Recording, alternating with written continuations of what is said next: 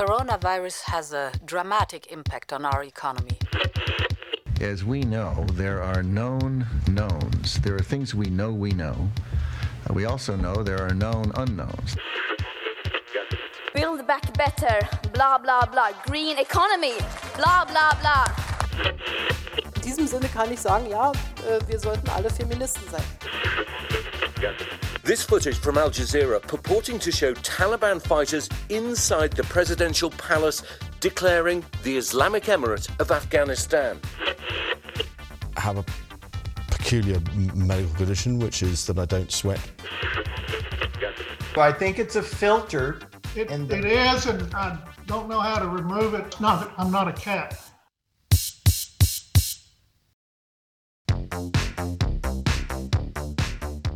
Þú ert að hlusta á heimskviður Í heimskviðum er fjallað um það sem gerist ekki á Íslandi.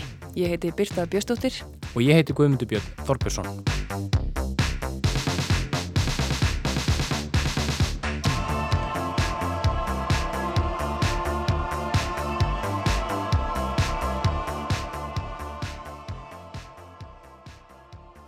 Í heimskviðum í dag ætlum við að fara til Danmörkur og svo ætlum við að fara til Ástralju.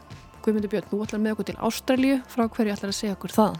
Ég ætla að segja ykkur frá ástralsku þingkostningunum sem fóru fram í síðustu viku en niðurstur þeirra eru nokkuð áhugaverðar. Þetta er í fyrsta sinn síðan 2013 sem að verkamannaflokkurinn kemst í meiri hluta á þinginu og Antoni Albanese verður næsti fósittis ráðfæra landsins og það er óhægt að segja að það gæti ákveðina bjart síðni vegna niðurstana kostningana þar sem hann hefur bóðað stórbreytar áherslur í loftslagsmálum og ekki er vanþörf á enda Ástralja einn helsti umhverjus sóði heims. En þú Birta? Hefur þú lesið bókina Veiðimerinir eftir Jussi Allir Olsen? Dönsk glæpasaga. Nei. Hún kemur svolítið við sögu í peislinu mínu sem verður í síðarleita þáttarins og þar segir frá þess að nefnundum í heimavistaskóla sem gera það að gamni sínu að nöðga og meiða. Eh, Þessi bók hefur svona svolítið dregin upp þegar eftir nýja heimildamind sem að TV2 danska sjónvastöðin síndi á dögunum.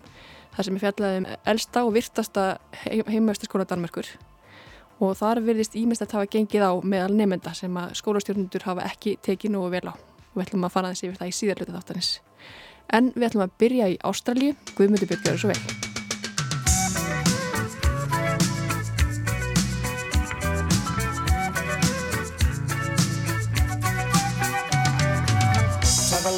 a fried out combi On a hippie trailhead full of zombies. I met a strange lady, she made me nervous. She took me in and gave me breakfast. And she said, do you come from a land down under? Ástralja, landið þarna niðri, landið fyrir neðan eins og ástralska hljómsettin Man at Work, sungum í heimsfrægum slagara frá árinu 1980, er sérstakur staður. Landið Down Under hefur öðlast nokkurs konar kvöld status í ástralskri þjóðarvitund og syngja landsmenn það gjarnan á fjölsótum íþróttaviðburðum og mannfagnuðum. Já, Ástralja er sérstakur staður eða ætti ég að segja samveldið Ástralja eins og það heitir formlega en það heyrir það enn undir breska samveldið og er Elisabeth Englands drottning jafnframt drottning Ástralju. Ástralja er í Eyjálfu, hinum einn á hnettinum og er eina ríki heims sem næri yfir heilt meginland. Það búa rétt ríflega 25 miljónir manna en landið sjálft er tæplega 8 miljón ferkilometrar að starð og það sjötta stærsta í heimi að flatarmáli. Þar eru pokadýr, vilt og júkaliptus tré sömu leiðis. Þar búa breiðnefir, spendir sem verpa eggjum og þar bjá einu sinni Tasmaníu tígurinn en hann er nú útöður. Þökk sé ágangi Evrópamanna sem settust þar að fyrir öldum. En þótt áhrif hins vestræna heims á Ástralíu séu víða og Elisabeth gamla sé drottning Ástralíu er landið þó með öllu sjálfstætt og með löggjárvaldið fer samveldisþingið svo kallaða. Valdamesti embættismæðurinn er fórsettisráþurann og hann heitir Anthony Albanese. It says a lot about our great country that the son of a single mum who was a disability pensioner who grew up in public housing down the road in Camperdown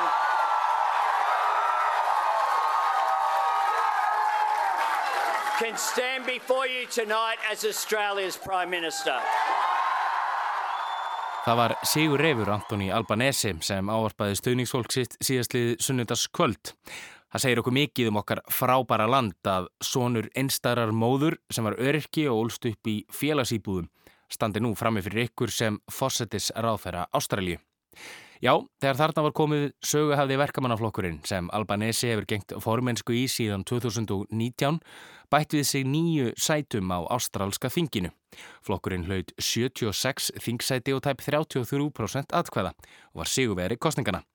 Þrátt fyrir það hlaut verkamannaflokkurinn ekki flest atkvæði. Það gerði kostningabandalag frjálslindra og þjóðarflokksins sem kallast venjulega bara bandalæð. Bandalagið fekk samtals 35% atkvæða en tapaði heilum átján þingsætum frá síðustu kostningum. Á sama tíma fengu græningar þrjú þingsæti og það mun skipta verkamannaflokkin máli. Það er nefnilega svo að verkamannaflokkurinn þarf stuðning græningja og óháðra þingmanna til að mynda meirilhauta í fulltrúadeild þingsins. Það hefur tæknilega séð ekki enn gerst þó svo að Albanesi hefði þegar tekið við sem fósittisar á þeirra. Til þess vantar verkamannaflokkin enn fjögur þingsæti og því ljóstað græningar er í leikilstöðu. En hafa ekki öll atkvæðin verið talin og því gæti verkamannaflokkurinn þó enn náð hreinum meiri hluta í þinginu. En það breytir því ekki að verkamannaflokkurinn mun fara með völdin næstu fjögur árin. Mr. Albanese, I invite you to take and subscribe the affirmation of office as Prime Minister of the State. Á mánudags morgun sór Albanese embættiseið við hátilega aðtöfn í þinghúsinu í höfuborginni Canberra. I, Anthony Norman Albanese, do solemnly and sincerely affirm and declare that I will well and truly serve the Commonwealth of Australia, her land and her people in the office of Prime Minister.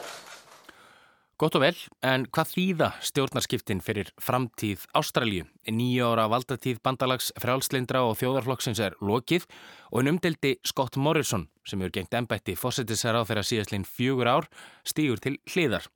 Jú, Albanese hefur bóðað tíma framfara og breytinga og þá einna helst í loftslagsmálum og ekki er vanþörf á en að hafa Ástralir dreyið lappirnar í baráttinu gegn hlínunjarðar undan farin ár, svo vægt sé til orða tekið og fremstur í flokki þeim vafasama gjörningi fór fórsetisráðarann fráfarandi Scott Morrison.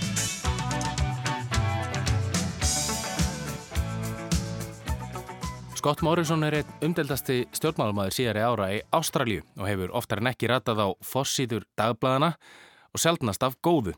Hann var harðilega gaggrindur í heimalandinu fyrir að taka sér dágótt frí á sama tíma á Ástralja stóði ljósum logum, bókstaflega frá ágúst 2019 fram á vor 2020 en þá geysiðu gríðar miklir og óviðránleir skóareldar á mörgum stöðum í landinu líkt og Halla Ólafstóttir fjallaðum hér í heimskvöðum á sínum tíma.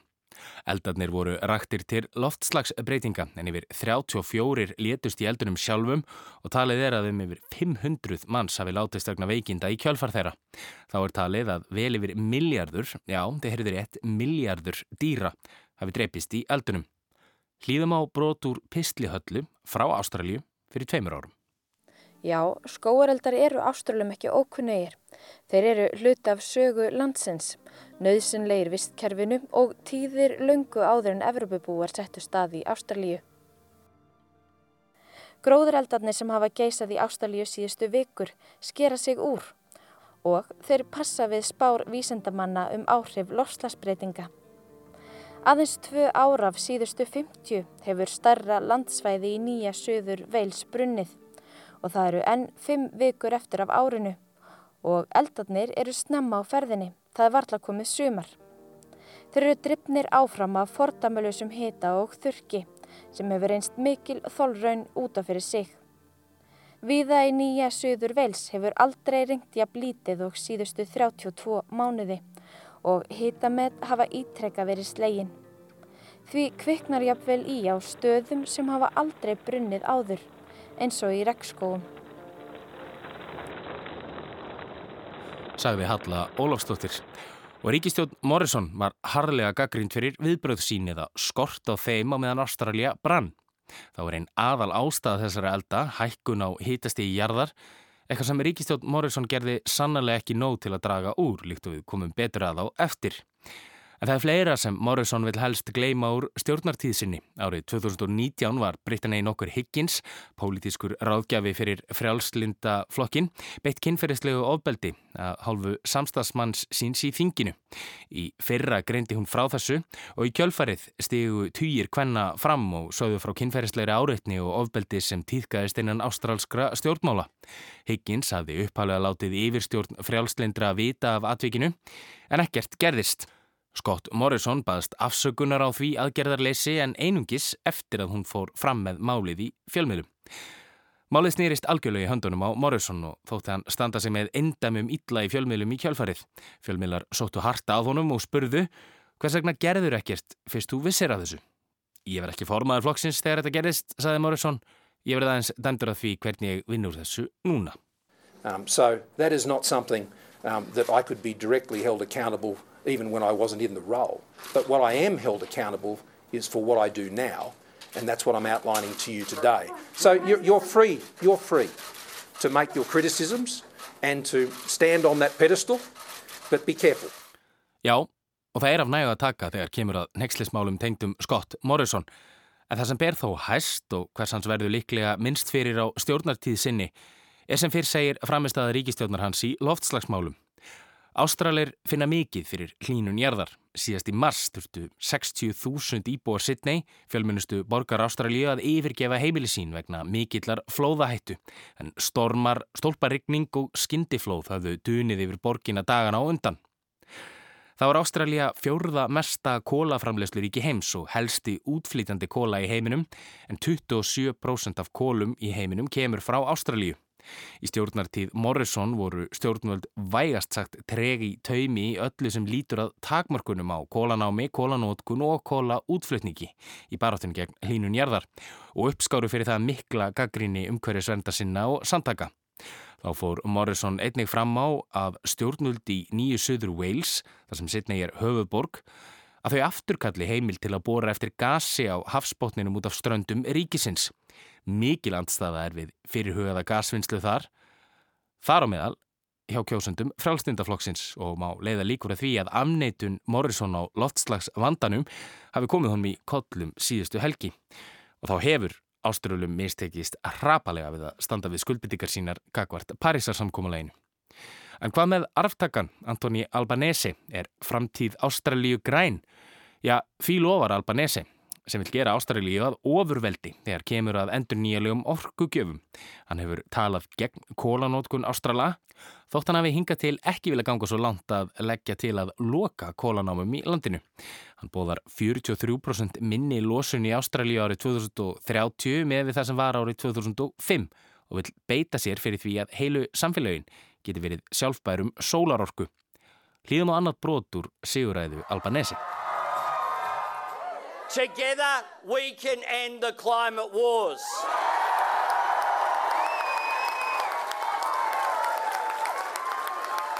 Together we can take advantage of the opportunity for Australia to be a renewable energy superpower. Já, við getum bundið enda á loftslags stríðið og saman getum við gert Ástralíu að stórveldi í loftslagsmálum, sagði Albanese. En framöndað er ærið verkefni fyrir hann og ríkistjónina. Ástralja er á góðri leið með að verða fyrsta landið í heiminum sem verður óbyggilegt vegna hlínunar jarðar ef framheldur sem horfir. Meðal heitasteg hækkar ár frá ári, skóareldar verða algengari og algengari sem og þurkar og flóð. Og þá er Ástralja einn mesti umhverfis sóði í heiminum fyrir eins og fyrr segir er kólaframlegsla þar eins og mesta sem um getur og ekkert land flytur meira af kólum úr landi. En hvernig ætlar honum þá að takast ætlunaverk sitt? Sérstaklega í ljósi þess að þann ætlar ekki að koma í veg fyrir að nýjar kólanámur opni í Ástralju. Albanese var ekki fyrrbúin að sverja ennbættiseið sem næsti fórsetisar á þeirra Ástralju á mánudag fyrir hann helt til Japans til að taka þátt í fjöguríkja ráðstefnu Ástrala, Japana, Indverja og Bandaríkjana. Albanese sæði mikið forgangsmála að taka þátt í henni og að með fundinum geti hann sendt skilabóðum að breytinga sig að venda á stjórnarstefnu Ástrala. Hann tjáði sig þó ekkert sérstaklega mikið um loftslagsmálin á ráðstefnunni en í samtali við Fumio Kishida, fósittisar á þeirra Japans, sæðist hann hlakka til frekari samvinu við Japani. I see areas of cooperation as increasing in defence and national security issues and our common interest in keeping the Indo Pacific region free, open, and, uh, and, and peaceful. But I also see an enormous opportunity in doing what uh, our countries have done for LNG in other areas, including in green hydrogen. Ég sé mikil tækifæri í því sem við höfum gert hvað var þar fljótandi náttúrulegt gas, svo kallað LNG, sagði fórsetisráðarann, og hvað var þar framleiðslu á grænu vettni. En eru þetta orðin tóm? Tímin eitmun leiða í ljóskort Albanese takist ætlunverk sitt að gera Ástralíað stórveldi í lofslagsmálum og hverjar áhersluðnar verða nákvæmlega. Þær eru enn óljósar.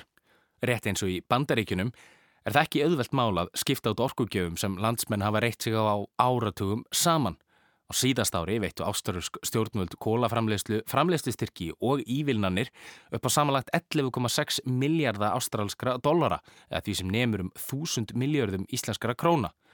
Þá hefur yfir 50 miljardum ástralska dollara verið varið í nýðurgreislur og uppgreftri eftir kólum og gasi á síðustu árum. Ásturölsk stjórnvöld eigða því nú miklu, miklu, miklu meiri fjárhæðum í að ebla og styrkja yðnað sem stuðlar að áframhaldandi hækkun hýtastriks á jörðinni, heldur en þau veita í uppbyggingu grætna lausna.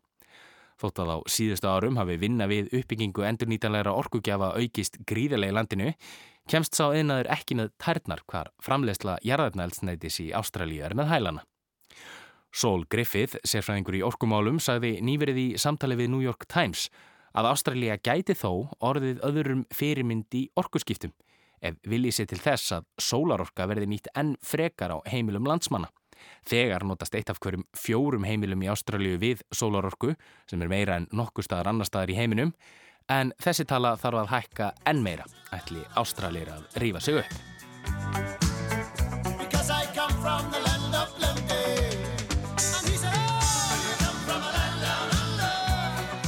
Nýr fórsetisraðara á að minnstakosti fjögur ár eftir á valdastóli. Verkefni hans er ekki aðeins að sjá til þess að það veri beinleginn sagt að lifa í Ástralju, heldur einnig að koma í veg fyrir að stjórnvöndi í Ástralju stuðli með beinum hætti að hækkun hittastegs á jörðinni. Scott Morrison er farinn frá völdum, en eins og sagan hefur sínt okkur eru lofórð stjórnmálamanna ekki endilega beintengt verkum þeirra. Nýstakist Antoni Albanese ættunverk sitt og standi hann ekki við sín lofórð, hversu lofinn sem þau kunnað vera á þessum tímapunkti, er ljóst að það er ílt í efni.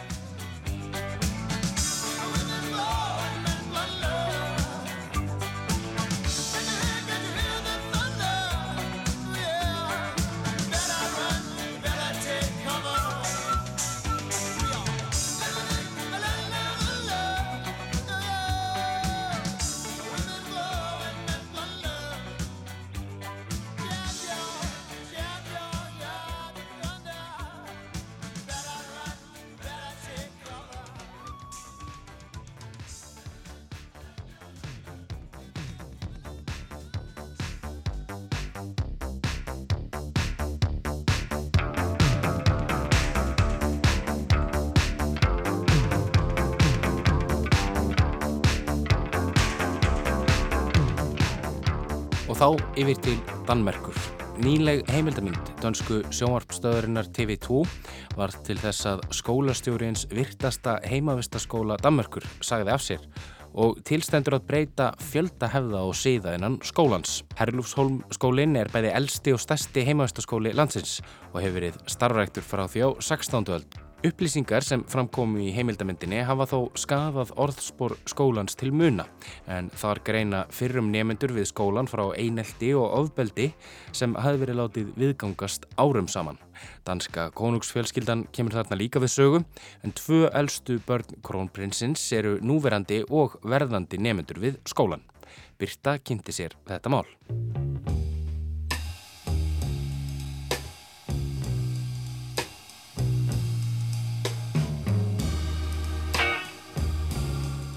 Bókinni Veiðimennir eftir danska glæpasagnahöfundin Jussi Adler Olsen fá lauruglumennir Karl Mörk og Assad inn á borð til sín mál sem tengist framgöngu ungs fólks í heimavistaskóla nokkrum árum áður. Morð, nöðganir og líkamsárásir voru meðal þess sem fámennur hópur ungmenna stóð fyrir að eigin frumkvæði til að svala físnum sínum.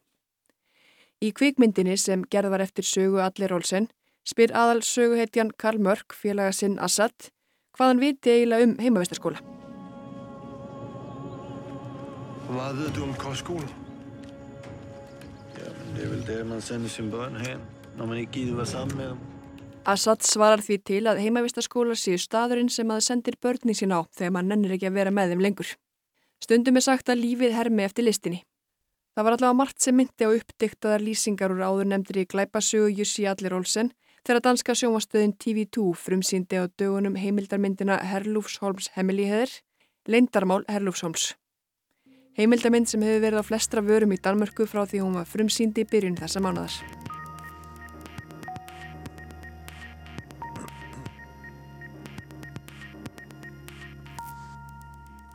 Herlufsholm Kostskole kæmper for sit renommé efter TV2's dokumentar om grov mobning, vold og overgreb på skolen. Og her på det sidste har flere forældre til hallovianere meldt sig på banen med en blank afvisning af, at der skulle være en usund kultur på skolen og et forsvar for... Herlufsholm heimavistaskólin er í danska bænum Nestvið um 80 km sunnan við Kaupanöfn. Saga skólans tilur hundruði ára og Herlufsholm er í dag bæði elsti og stæsti heimavistaskóli Danmerkur. Á svæðinu þar sem skólinn stendur nú var starfrækt Benedikt klaustur á 12. og 13. öld.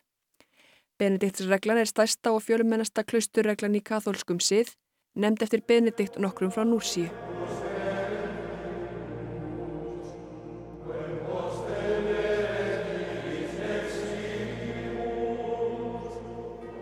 Nunnuklaustin í Kirkjubæ og Reynistad hér á landi og Munkaþverárklaustur og Þingæjarklaustur voru sömu leiðis rekin í anda Benediktsreglunar.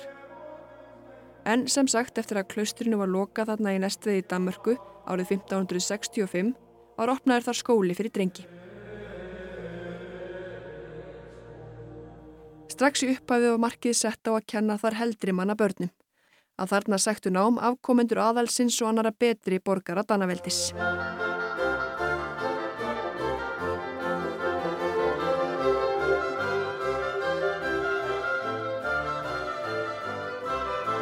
Árið 1966, 300 árum eftir að skólinu var settur á laginnar, var stúlkum fyrst bóðin skólavist í Herlufsson.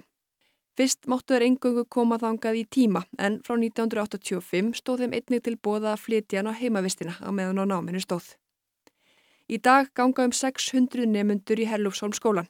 Um helmingur þeirra býr þar á heimavistinni. Nefnundur klæðast skólabúningum, dökk bláum og dökk gráum og þau sem vilja bera gullt og grátt bindi. Eitt af sérkennum skólans eða nefnenda samfélagsins þar er þeirra eigið tungumál eða þeirra eigin orðaforði. Margvíslegar hefðir hafa gegnum tíðina stuðlaða því að Ímis nýjirði eru först í sessi meðal þeirra sem ganga í eða hafa gengið í skólan. Einn aðferði nefnda skólans við að útbúa slík nýjirði er að taka fyrsta samhljóða hvers orðs og binda saman við síðasta sérhljóðan og fá þannig nýtt orð til að nota. Með þessari aðferð verður danska orðið við sjúkrahús, síjuhús, einfallega SUS. Ein af reglum skólans er svo að útvaldir eldri nefendur fá þau hlutverk að skóla yngri nefendur til þegar þau síðan nefndu hefja ná. Verða þeim innan handar. Ótal aðrar hefðir eru þar sömuleiðis hafðar í heidri. Böll, veiðiferðir og aðrar skemmtanir sem nefendur skólans halda ár hvert áratug eftir áratug.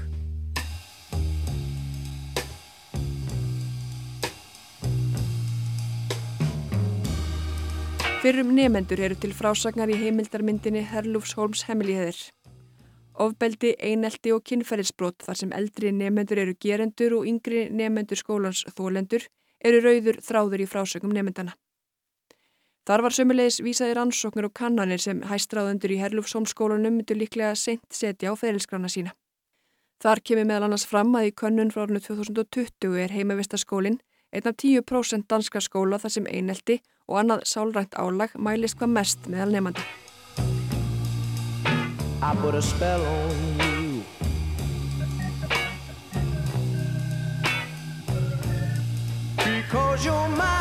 Peter er eitt þeirra sem segir sögu sína í myndinni. Hann flutti að heimann 16 ára gammal árið 2019 til að hefja námi í Herlufsholmskólanu. Hann flutti inn á heimavistina rétt áður en fyrsta skóla árið í mentaskóla af þreymur hófst. Þetta byrjaði vel að hans sögn, honum fannst spennandi að tilhera hópi nefnda í þessum gamla og nafntóða skóla. Fljótlega rann það upp fyrir honum að í skólanum gildu óskrifaða reglur þar sem fyrstu bekkingar mentaskóla vermdu neðsta þrepið í virðingasteganum. Hverskins líkamlega refsingar, barsmiður og högg tíðkuðist þegar nefnendur á þriðja og síðasta ári í mentaskólanum fannst busatnir í fyrsta bekknum ekki sína tillíðilega virðingu. Kristófer er félagi Petter sem tekur undir þessar lýsingar í heimildamindinni.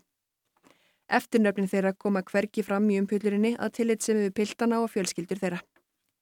Þeir Petter og Kristófer eru meðal 50 núverandi og fyrrum nefnda Herlúfsholm sem fréttafólk TV2 rætti við við gerðmyndarinnar. Þeir eru eins vegar þeir einu sem koma fram undir nafni og mynd. Þeir félagar segast báðir hafa orði fyrir árásum og ofbeldi á fyrsta ári sinni í mentaskóla, þar sem gerundunir voru allir nefnendur á þriðja og síðasta ári. Þá hafi þeir sumuleiðis orði vittni af ótal árásum og aðra fyrstu bekkinga. Einn vinsal aðferð var að ráðast á nefnendur í fasta svefni í svepsal heimavistaskólans. Bæði með höggum og spörkum en einnig með því að stinga fingri upp í endaþarm sofandi nefnenda. Margir viðmannendara lýsa þeirri óskrifuðu reglu sem ávist líka við um Las Vegas, það sem gerist í skólunum, helst innan þeirra vekja. Þeir sem klöguðu voru bara í enn verri málum fyrir vikið.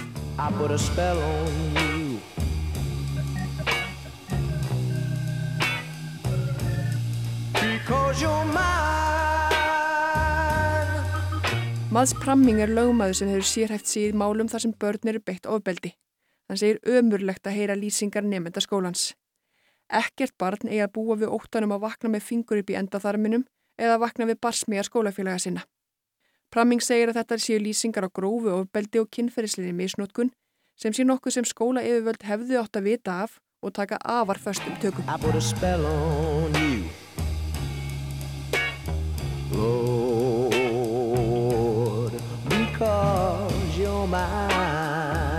Skólastjórnundur getur nú kannski ekki alveg sagst koma algjörlega fjöllum. Petter, annar drengjana sem kom fram undir nafni í títnemndri heimildamind, tilkynntu um atvik sem hann varð fyrir. Það gerist á dansskólun og skólaballi. Petter var að dansa og dansaði með annars við stelpu sem var í þriðabekk. Það var greinilega eitthvað sem drengir í fyrsta bekk máttu alls ekki gera, svo hann var slegin niður af þriðjubekkingi þarna á dansskólunu.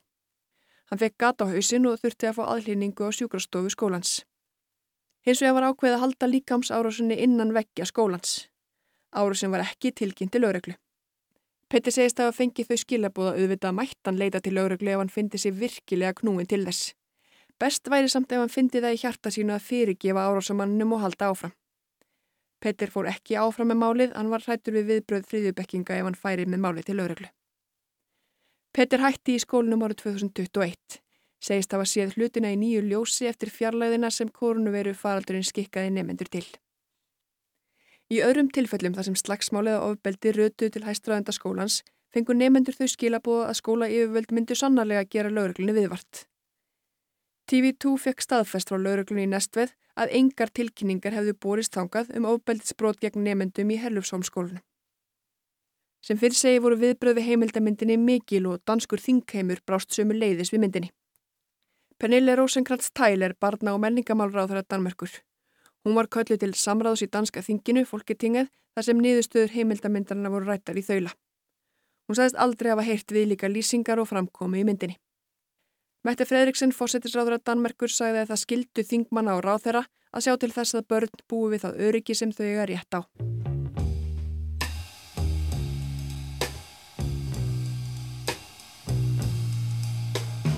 Mikael Kjellberg gegndi ennbætti skólameistra Hellúsholm frá árnu 2019 og þar til heimildamindin var fremsýnd. Hann hefur þó verið viðlóðandi stjórn skólan síðan 18 ár. Hans fyrstu viðbröði fjölmjölum voru að halda upp í vörnum fyrir skólan sinn, kannski eðlilega. Det er en udsendelse som øh, beskriver skolen på en måde, som vi ikke kan genkende. Der bliver brugt gamle udsagn fra langt tilbage i tiden til at sætte nyere episoder i, øh, i et syn, som de ikke fortjener. Øh, en hver elev øh, på Halsholm skole, som har, er blevet krænket, det er en elev for meget. Kjellberg sagði að þó að einn nefandi væri beittur einelti verða það sannlega einum nefanda og mikið. Hins vega kannast það ekki við þá menningu og hegðun sem líst var í heimildamindinni. Hann sagði myndina byggða á eldri frásökum fyrir um nefenda sem gæfi litla sem enga mynda því hvernig stemningin væri í skólunum nú. Hann saði sömulegis að einelti og ofbeldi fyrir fyndist víðar en í Herlufsholmskólanum. Þetta var ekki eini skólinn þar sem eitthvað í líkingu við þetta gengi á. Skólastjórun Kjellberg held starfinu ekki lengi eftir að myndin var sínd. Nákvæmlega tveimur dögum eftir frumsýningu myndarinnar var skólastjórun látin taka bókansinn. Og stjórn skólans gerði fleiran að reka skólastjóran. Eins og svo oft þegar eitthvað hefur miður farið var skipið rannsóknanemt sem á að fara ofan í saumana á ásökununum og gömgefa menningu innan skólans. Aðrar breytingar taka gildi strax, til dæmis hafa allir nefendur á heimavistinni núna aðganga sér herbergjum og þurfa ekki að deila svepsal með öðrum nefendum frekar þeir vilja. Torben von Lofslof, stjórnarformaður Herlúfsholmskólans, sagði í viðtali við Danska ríkisjónvarpið að breytinga væri bersýnilega þörf víða í skólastarfinu. Það er einhver annar að leiða þær breytingar en fráfarandi skólastjóri. Nú skal vi forandre. Uh, vi skal gennemføre nogle væsentlige forandringer. Og der har vi desværre følt, at vi er nødt til at finde en ny rektor til at stå i spidsen for det. Listin er langur þegar skautaðir yfir nöfn þeirra nafntóðu einstaklingar sem stundað hafa námi í Herlusholmskólunum gegnum tíðina. Rítöfundar, stjórnmálamenn, leikarar, profesorar og arkitektar og miklu, miklu fleiri manna að lista yfir þau sem hafa getið sér nafn í dönsku samfélagi og víðar eftir setu og skólabekki Herlusholm.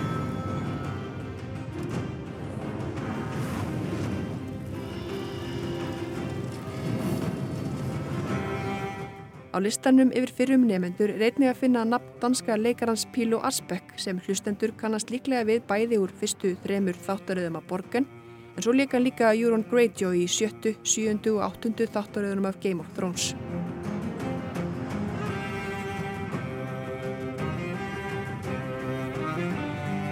En það sem er kannski skemmtilegasta tengingin við nafn Pílo Asbeck á lista yfir fyrrum nefendur Hellúsholmskólans er svo sem nefnd var í upphafi þessa pistils. Bókin Veiðimennin eftir Jussi Allir Olsen. Pílo Asbeck leikur nefnilega aðal hlutverki í kvikmyndinni sem byggð var á þeirri bók. Þar leikan Rottan Dítlef Pram sem gerði sér það að leika á námsárum sínum í heimavistaskóla að berja á nöðga. Það fylgir reyndar sögunni að þau sem tilþekja segja afar skýrt að höfundurinn Allir Olsen hafi notað Hellúsholmskólan sem fyrirmynd þegar hann skrifaði veiðimennina. Bókin var skrifið árið 2008 og kvikmynd eftir bókinni gerð árið 2014. Þá var lögðin beðni til að fá að taka upp hluta af myndinni í og við skólan en þeirri bón var hafnað af þáverandi skólastjóra. Hvort það hafi verið vegna þess að honum var kunnugtu mögulegar tengingar við raunverulega sögu skólans skal ósagt látið. Allavega eru fordæmum að skólinn hafi verið nýttur við upptökur á bíómyndum og sjónvastáttum. Kvikmyndin Drenginni frá Santi Petri var tekinn þar upp að hluta og sömulegist þáttur á dönsku spennuþáttunum Ræsihóli.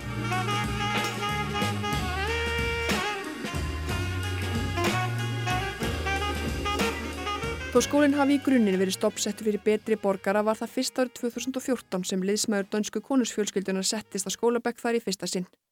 Það var Nikolai, sonur Jóakims, yngri sonara Margreðar Þórhildar Danadrottningar. Frændi Nikolai hann Kristjan, elsti sonur Fridriks Krónprins og Meri konu hans, hóf svo nám í Herlufsholmskólinum árið 2021. Ísabella sýstir hans er skráð til að hefja skólagöngu þar næsta haust. Það voru því mörg sem leituði viðbráð hjá dönsku konungsfjölskyldinni þegar heimildaminn TV2 var frumsýnd á dögunum. Og á þeim stóð ekki.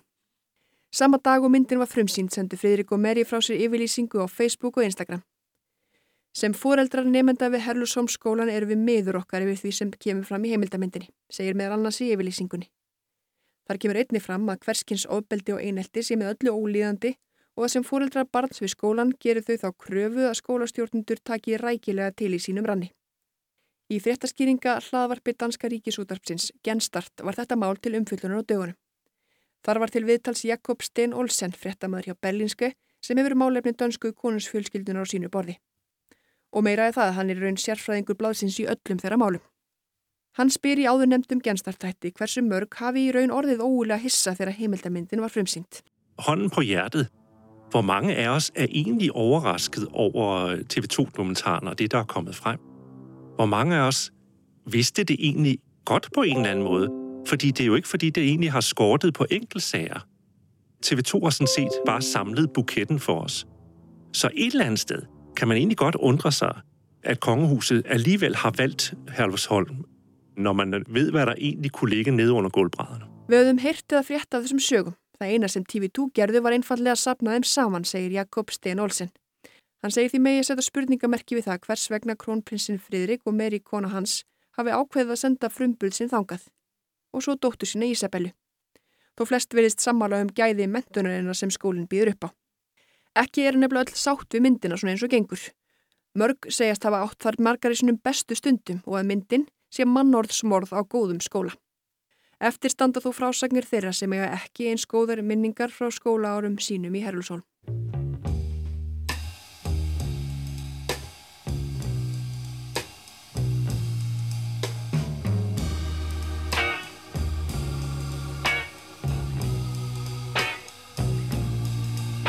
I put a spell on you.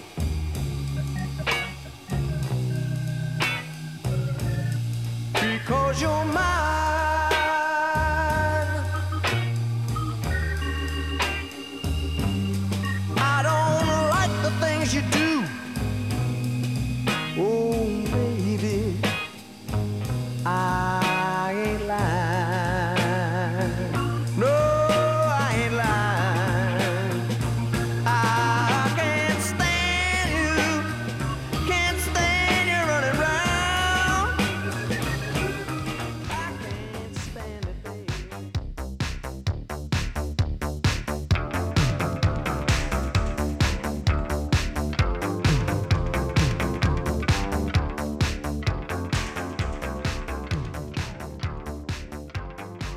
Þetta verða loka orðin í næst síðasta heimskuðu þætti þessa missiris.